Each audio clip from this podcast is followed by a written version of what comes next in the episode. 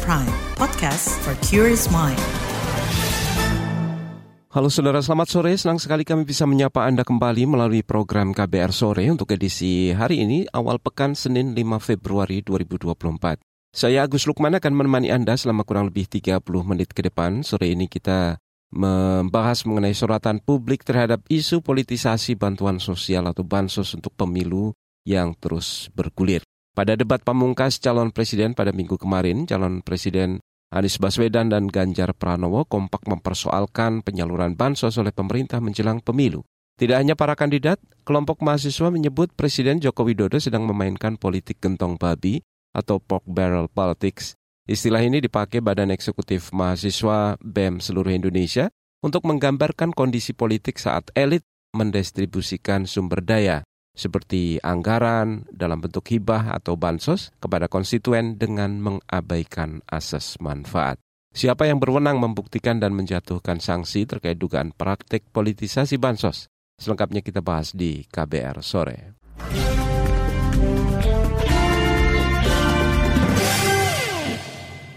Saudara pada akhir pekan lalu Presiden Joko Widodo menjawab isu soal politisasi bantuan sosial atau bansos. Jokowi menegaskan bansos bukan untuk mendongkrak kepentingan elektoral anaknya yaitu Gibran Raka Buming Raka yang menjadi calon wakil presiden mendampingi Prabowo Subianto. Itu sudah sejak September. BLT itu karena ada El Nino kemarau panjang sehingga juga ini e, untuk memperkuat daya beli masyarakat sehingga diperlukan tapi Pak, bahwa itu dipolitisasi sama. Oh, sudah dari dulu. Ini kan sudah dari September bantuan pangannya. Gimana? Dan itu semuanya itu kan sudah lewat mekanisme persetujuan di DPR APBN itu. Jadi jangan dipikir hanya keputusan kita sendiri. Tidak seperti itu dalam mekanisme kenegaraan kita, kepemerintahan kita nggak seperti itu. Semuanya kan. Itu dari Presiden Joko Widodo. Saudara bantuan sosial atau bansos mendapat sorotan publik sejak beberapa pekan lalu. Apalagi pemerintah berencana memperpanjang penyaluran bansos berupa bantuan langsung tunai atau BLT kepada 18 juta keluarga lebih. Besarnya BLT adalah 600 ribu rupiah untuk tiap keluarga untuk tiga bulan dari Januari hingga Maret. Penyaluran bantuan akan dicairkan sekaligus pada bulan ini. BLT bukan satu-satunya bansos yang digelontorkan pemerintah. Jokowi juga memastikan akan membagikan bansos beras 10 kg kepada total 22 juta warga hingga Juni mendatang. Dua bantuan ini yaitu BLT dan bansos beras memakan anggaran lebih dari 11 triliun rupiah dari APBN 2024. Tahun ini pemerintah menganggarkan lebih dari 496 triliun rupiah untuk bansos dan jumlah ini lebih banyak ketimbang anggaran bansos saat pandemi COVID-19 dari 2021 hingga 2023. Sementara dalam penyalurannya, saudara, bansos ini diseret-seret ke politik. Menteri Perdagangan Zulkifli Hasan yang juga Ketua Umum Partai Amanat Nasional, partai pendukung Prabowo Gibran, menyebut program bansos adalah dari Jokowi. Yang kasih bansos sama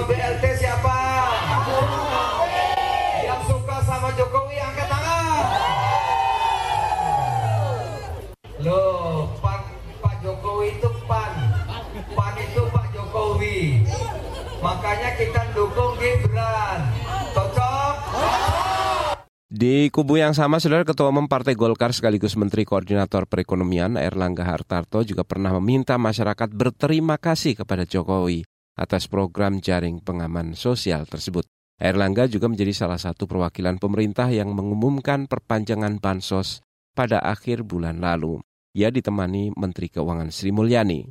Saat pengumuman itu, ekspresi Sri Mulyani diartikan sebagian pihak sebagai ekspresi kekecewaan terhadap alokasi anggaran bansos yang membengkak di tahun politik. Ini diperkuat dengan pernyataan Sri Mulyani di hadapan PNS Kementerian Keuangan di Jayapura, Papua beberapa waktu lalu. Ia mengajak masyarakat ikut mengawasi penyaluran bansos, termasuk memahami sumber dananya. Kementerian Keuangan berkewajiban dan bertanggung jawab untuk menyampaikan ke masyarakat secara konkret apa artinya kehadiran negara. Karena had, negara bisa hadir karena ada uang negara atau yang disebut hashtag uang kita oleh kita semuanya. Ini adalah cara untuk terus membangun pemahaman pada masyarakat mengenai pentingnya keuangan negara. Dan dengan demikian masyarakat juga akan ikut tentu dalam hal ini mengawasi, ikut memiliki karena mereka kalau yang mampu membayar pajak dan tentu mereka ingin tahu uang pajaknya untuk apa. Sedangkan yang tidak mampu mendapat bantuan dari pemerintah dan mereka harus tahu uangnya dari mana ini untuk menciptakan suatu iklim akuntabilitas dan juga ownership atau rasa memiliki terhadap negara ini dari seluruh rakyat Indonesia. Negara ini dibangun dengan suatu perjuangan gotong royong dan kita terus juga harus memupuk rasa gotong royong ini dengan salah satunya meningkatkan transparansi dan akuntabilitas. Itu tadi Menteri Keuangan Sri Mulyani. Di sisi lain, Saudara, Badan Pengawas Pemilu Bawaslu mengatakan Presiden boleh membagikan bansos saat penyelenggaraan pemilu. Ketua Bawaslu RI Rahmat Bagja mengatakan pembagian dibolehkan asal tidak disertai ajakan memilih salah satu pasangan calon peserta pemilu. Itu disampaikan Rahmat Bagja saat rapat dengan komisi di DPR hari ini. Namun Bawaslu mengaku kesulitan membuktikan pelanggaran dalam penyaluran bansos yang tertempel stiker salah satu pasangan calon presiden. Kan itu perlu ditelusuri. Satu, apakah karena foto, bentuknya foto, terus uh, di mana dan bagaimananya kan masih belum jelas. Apakah kemudian foto itu didapat seperti A dan B atau kemudian benarkah foto demikian atau bagaimana kan kita nggak ngerti juga. Uh, sampai sekarang agak sulit ya, makanya kami lagi telusuri di teman-teman Kementerian Sosial dan BUMN. Itu tadi Ketua Bawaslu RI Rahmat Bagja. Saudara, sikap Presiden Joko Widodo yang dinilai tidak netral pada pemilu kali ini diperkirakan berdampak pada stabilitas ekonomi. Apa kira-kira dampaknya? Kami akan hadirkan melalui laporan khas KBR usai jeda berikut. Tetaplah di KBR sore.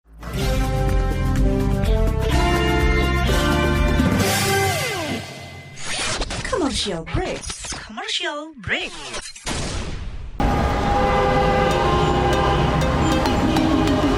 Jalanan macet, gak masalah tuh. Macet-macetan tetap harus produktif sambil mendengarkan talk show inspiratif. Ruang Publik KBR hadir untuk Anda kapan saja dan di mana saja. Simak obrolan menarik dengan tema-tema yang beragam langsung dengan narasumbernya. Hanya di kbrprime.id. Search Ruang Publik KBR. KBR Prime, podcast for curious mind. You're listening to KBR Prime, podcast for curious mind. Enjoy!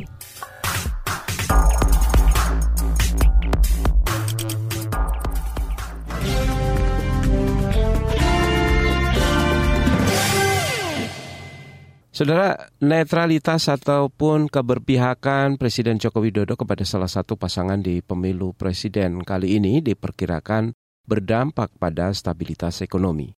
Benarkah perkiraan itu dan bagaimana analisisnya? Berikut laporan khas KBR disusun jurnalis Khairunisa.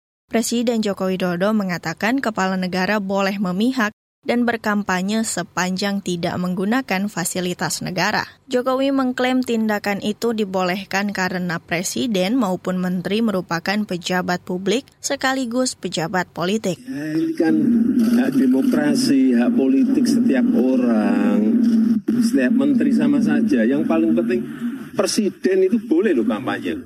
Presiden itu boleh loh memihak. Tapi yang paling penting waktu kampanye tidak boleh menggunakan fasilitas negara. Boleh, Pak. Kita ini kan pejabat publik sekaligus pejabat politik. Menteri juga boleh. Yang mengatur itu hanya tidak boleh menggunakan fasilitas negara.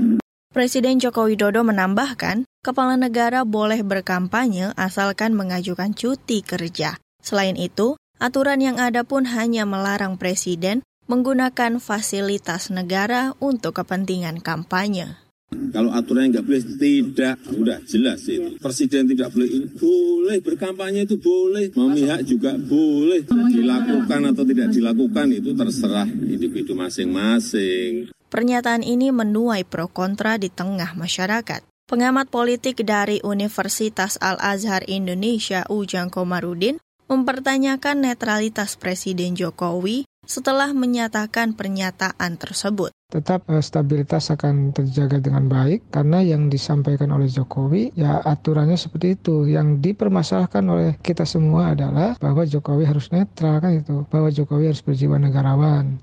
Menurut Ujang, pernyataan dan sikap Jokowi juga merusak netralitas presiden. Dalam konteks itu, saya melihat eh, Jokowi punya celah bahwa dia dibolehkan oleh undang-undang berkampanye, memihak, artinya eh, asalkan tidak menggunakan fasilitas negara dan dalam keadaan cuti. Pakar Hukum Tata Negara Bivitri Susanti mengatakan, Presiden memang bisa berkampanye asalkan cuti dan tidak menggunakan fasilitas negara. Bivitri menjelaskan, aturan presiden boleh berkampanye dimuat dalam pasal 281 dan 304 Undang-Undang Pemilu. Jadi saya kira Pak Jokowi itu mengutipnya cuma satu pasal. Memang Undang-Undang 7 2017 tentang pemilu itu banyak pasal yang kontradiktif karena pas kalau Pak Jokowi mengacu pada soal tidak menggunakan fasilitas, ada pasal-pasal lainnya yang secara prinsip bilang presiden dan pejabat negara lainnya itu tidak boleh menguntungkan kandidat politik tertentu. Kekhawatiran juga disampaikan Ikatan Pedagang Pasar Indonesia atau IKAPI atas pernyataan presiden. IKAPI khawatir hal itu akan berdampak pada stabilitas harga bahan pangan.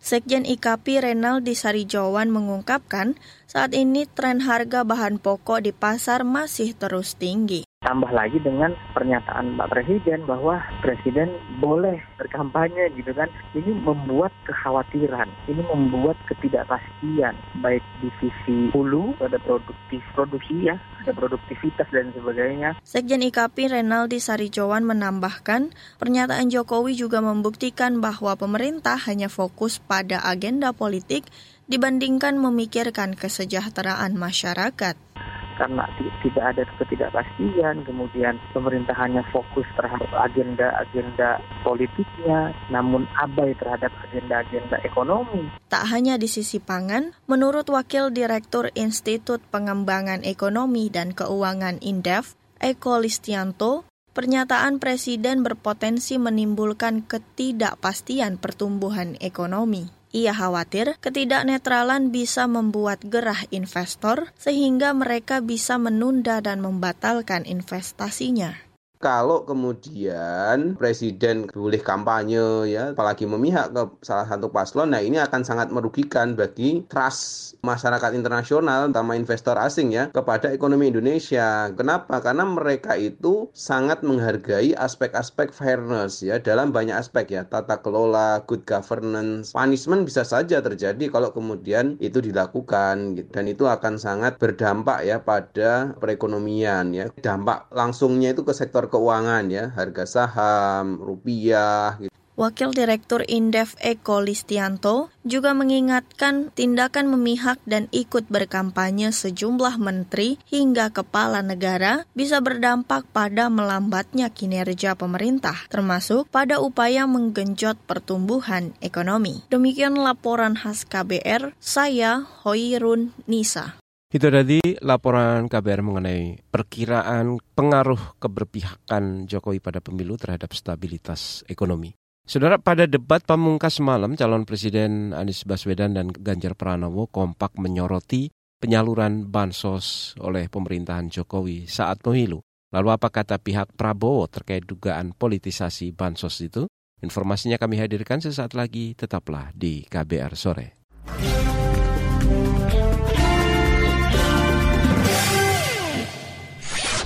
Commercial break. Commercial break.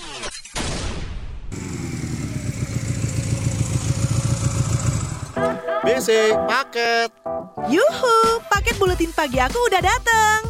Isinya lengkap banget. Ada berita-berita menarik dari berita politik, ekonomi, sosial budaya, sampai berita olahraga. Penasaran isi selengkapnya? Dengerin aja di kbrprime.id. Search Buletin Pagi. You're listening to KBR Pride, podcast for curious mind. Enjoy!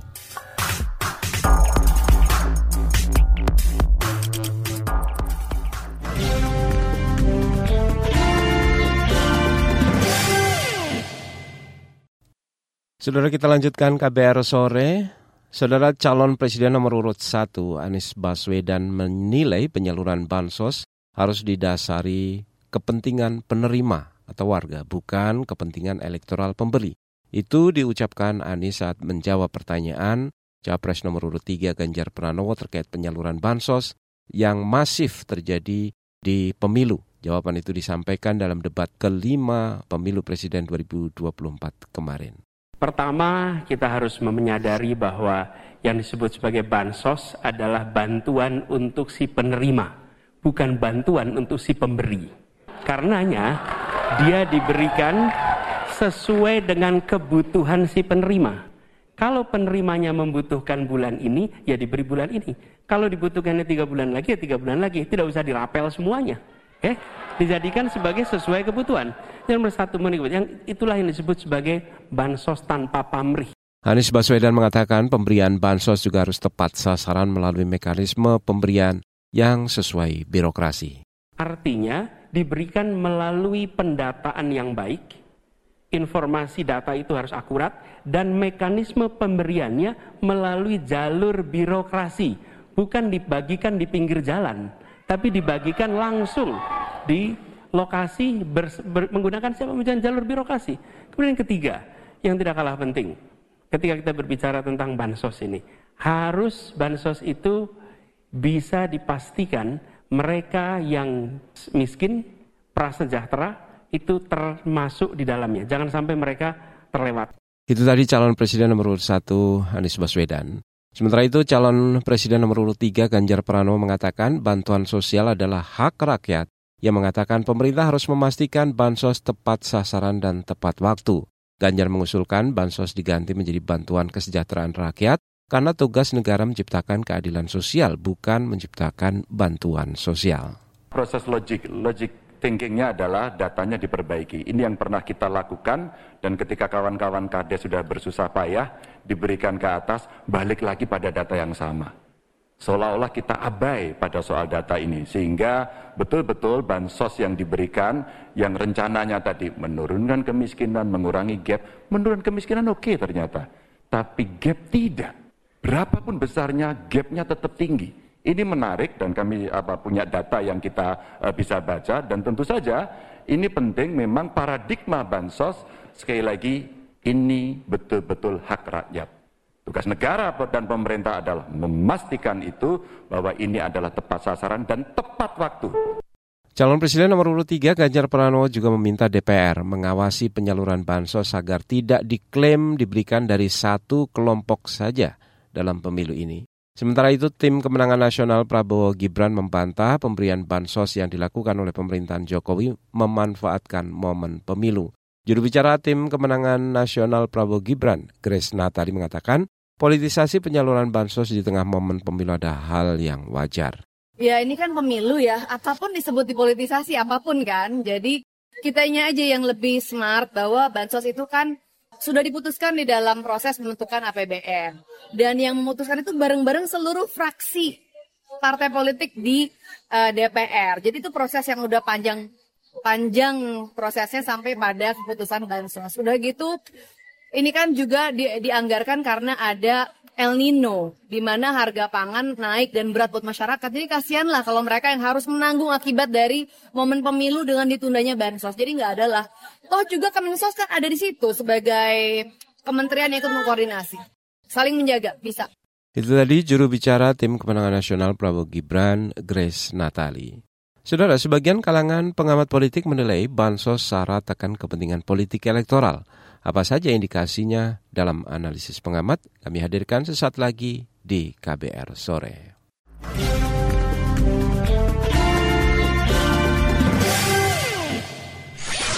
Commercial break. Commercial break. Tolong, tolong. Ada apa MJ? Spiderman tolong tangkepin orang ini. Aku habis kena tipu investasi bodong nih. Sekarang aku bangkrut. Oh alah, pasti belum dengerin uang bicara ya? Uang bicara? Apa itu? Podcast ekonomi dan literasi finansial dari KBR Prime. Narasumbernya kredibel dan topiknya cocok banget buat anak muda kayak kita. Ada juga nih, topik biar nggak ketipu investasi bodong. Uang Bicara, menavigasi kamu supaya tetap cuan dari KBR Prime. You're listening to KBR Pride, podcast for curious mind. Enjoy!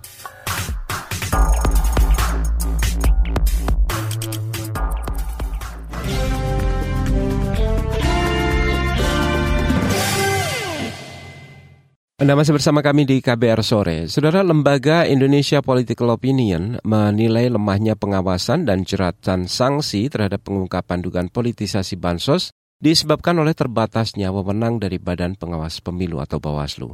Lalu apa usulan dari pakar politik? Berikut perbincangan reporter KBR Safira Aurelia dengan Direktur Eksekutif AIPO atau Indonesia Political Opinion, Dedi Kurnia Syahputra. Kalau dari tanggapan Anda sendiri ini seperti apa Pak dan sebetulnya dugaan politisasi bansos ini dari kacamata Anda seperti apa? Saya kira ada dua hal yang seharusnya didiskusikan dalam debat ya. Yang pertama adalah uh, proses distribusi bansos yang memang memiliki kecenderungan uh, politik. Misalnya dikaitkan dengan uh, dukungan Joko Widodo terhadap uh, Prabowo Gibran misalnya. Kemudian dari sisi kehadirannya juga mendekati masa uh, pemilu. Sementara jika merujuk pada statement presiden yang menyatakan bahwa ada imbas El Nino dan segala macam begitu ya, itu kan sudah lewat. Sekarang saya kira adalah musim tanam. Artinya kalau betul bahwa ada kekurangan, ada krisis pangan di kalangan kalangan kelas bawah, mestinya itu sudah sudah dilalui uh, satu dua bulan yang lalu. Kenapa kemudian uh, bansos ini baru muncul uh, sekarang? Jadi itu saya kira adalah peluang politiknya jauh lebih besar dibandingkan dengan peluang dukungan sosial terhadap kelompok masyarakat rentan. Nah yang kedua saya kira yang luput juga dari perdebatan adalah sebetulnya bansos ini selain punya potensi politis begitu ya, bansos ini adalah penanda kegagalan pemerintah. Ketika bansos di beberapa waktu yang lalu begitu ya, itu kan peningkatan anggarannya meningkat cukup drastis, uh, bahkan mencapai uh, 20 persen hingga lebih dari 400 uh, triliun untuk bantuan sosial yang dianggarkan oleh pemerintah. Nah yang jadi pertanyaan adalah tidak ada satupun dari kandidat yang kemudian mengelaborasi itu. Padahal logika sederhananya kalau pemerintah selama ini menyatakan berhasil menurunkan tingkat kemiskinan, seharusnya anggaran bansos itu turun bukan naik. Nah Pak terkait dengan uh, politisasi bansos juga Pak, eh, ini sebetulnya apa saja Pak indikasi adanya politisasi bansos dan sebetulnya Pak dampaknya ini uh, seperti apa? Ya, yang pertama tentu bansos ini akan dijadikan sebagai materi propaganda. Misalnya sekarang saja di beberapa wilayah sudah diberikan misalnya kalau tidak Prabowo Subianto atau bukan Gibran Raka Buming Raka yang nanti memenangi Pilpres, maka bansos besar kemungkinan akan dihentikan. Atau promosi-promosi politik yang menyatakan Ganjar maupun Anies Baswedan tidak akan melanjutkan uh, program-program Jokowi dan itu termasuk bansos. Tentu secara tidak langsung itu akan berdampak. Yang kedua, keterlibatan e, langsung presiden dalam melakukan distribusi kan jelas ini adalah e, menarik pengaruh presiden terhadap pemilih. Nah, itu yang dikhawatirkan. Tetapi bagaimanapun juga kalau kita cek dalam survei misalnya dari hmm. data survei yang dihimpun oleh Indonesia Political Opinion begitu ya, sebenarnya sudah tidak cukup leluasa untuk menarik e, simpati publik dari bantuan sosial. Kenapa? Karena secara porsi pemilih itu sudah menyebar merata, baik yang ke Prabowo Subianto, Anies Baswedan, termasuk ya Ganjar Pranowo. Sekarang ada kelompok-kelompok yang mungkin masih bisa diubah pilihannya, itu hanya sekitar 1,5 atau 1,6 persen. Andai 100 persennya saja bergeser ke Prabowo Subianto, itu tetap saja tidak signifikan mempengaruhi elektabilitas dari masing-masing kandidat. Kalau terkait dengan evaluasi dan rekomendasi kepada Bawaslu sendiri, Pak, ini seperti apa, Pak?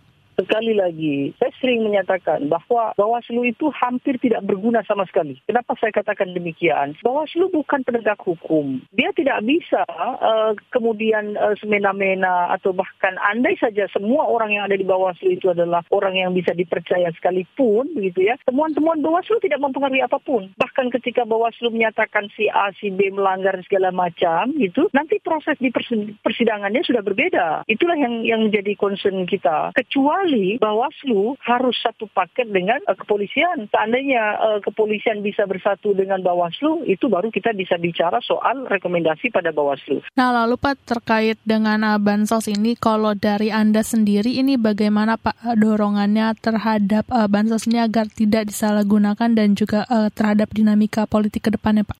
Yang pertama tentu senada dengan yang disampaikan oleh Ganjar Pranowo juga Anies Baswedan dalam debat uh, semalam misalnya. Yang diperlukan adalah perbaikan data penerima itu penting. Selama ini data penerima itu tumpang tindih. Ketika data itu sudah selesai, maka kemudian harus ada koordinasi lintas kementerian. Misalnya, bansos harus dilakukan oleh Kementerian Sosial, tidak boleh dilakukan oleh Presiden, tidak boleh dilakukan oleh kementerian yang lain, termasuk tidak boleh dilakukan oleh Menko apa namanya SDM misalnya. Lalu bekerja sama dengan beberapa pihak, misalnya dengan Kementerian Desa. Kementerian Desa punya yang namanya petugas atau asisten desa. Mereka yang melakukan pengecekan, supervisi terhadap pengelolaan pembangunan desa dan lain-lainnya. Tinggal ditambah saja pekerjaan mereka untuk memastikan bahwa data-data di desa termasuk yang penerima bansos itu betul-betul adalah mereka yang layak. Itu tadi saudara perbincangan reporter KBR Safira Aurelia dengan Direktur Eksekutif Lembaga Indonesia Political Opinion, Dedi Kurnia Saputra. Informasi tadi menutup jumpa kita di KBR Sore untuk edisi hari ini, Senin 5 Februari 2024. Saya bersama tim yang bertugas kami undur diri, sampai jumpa.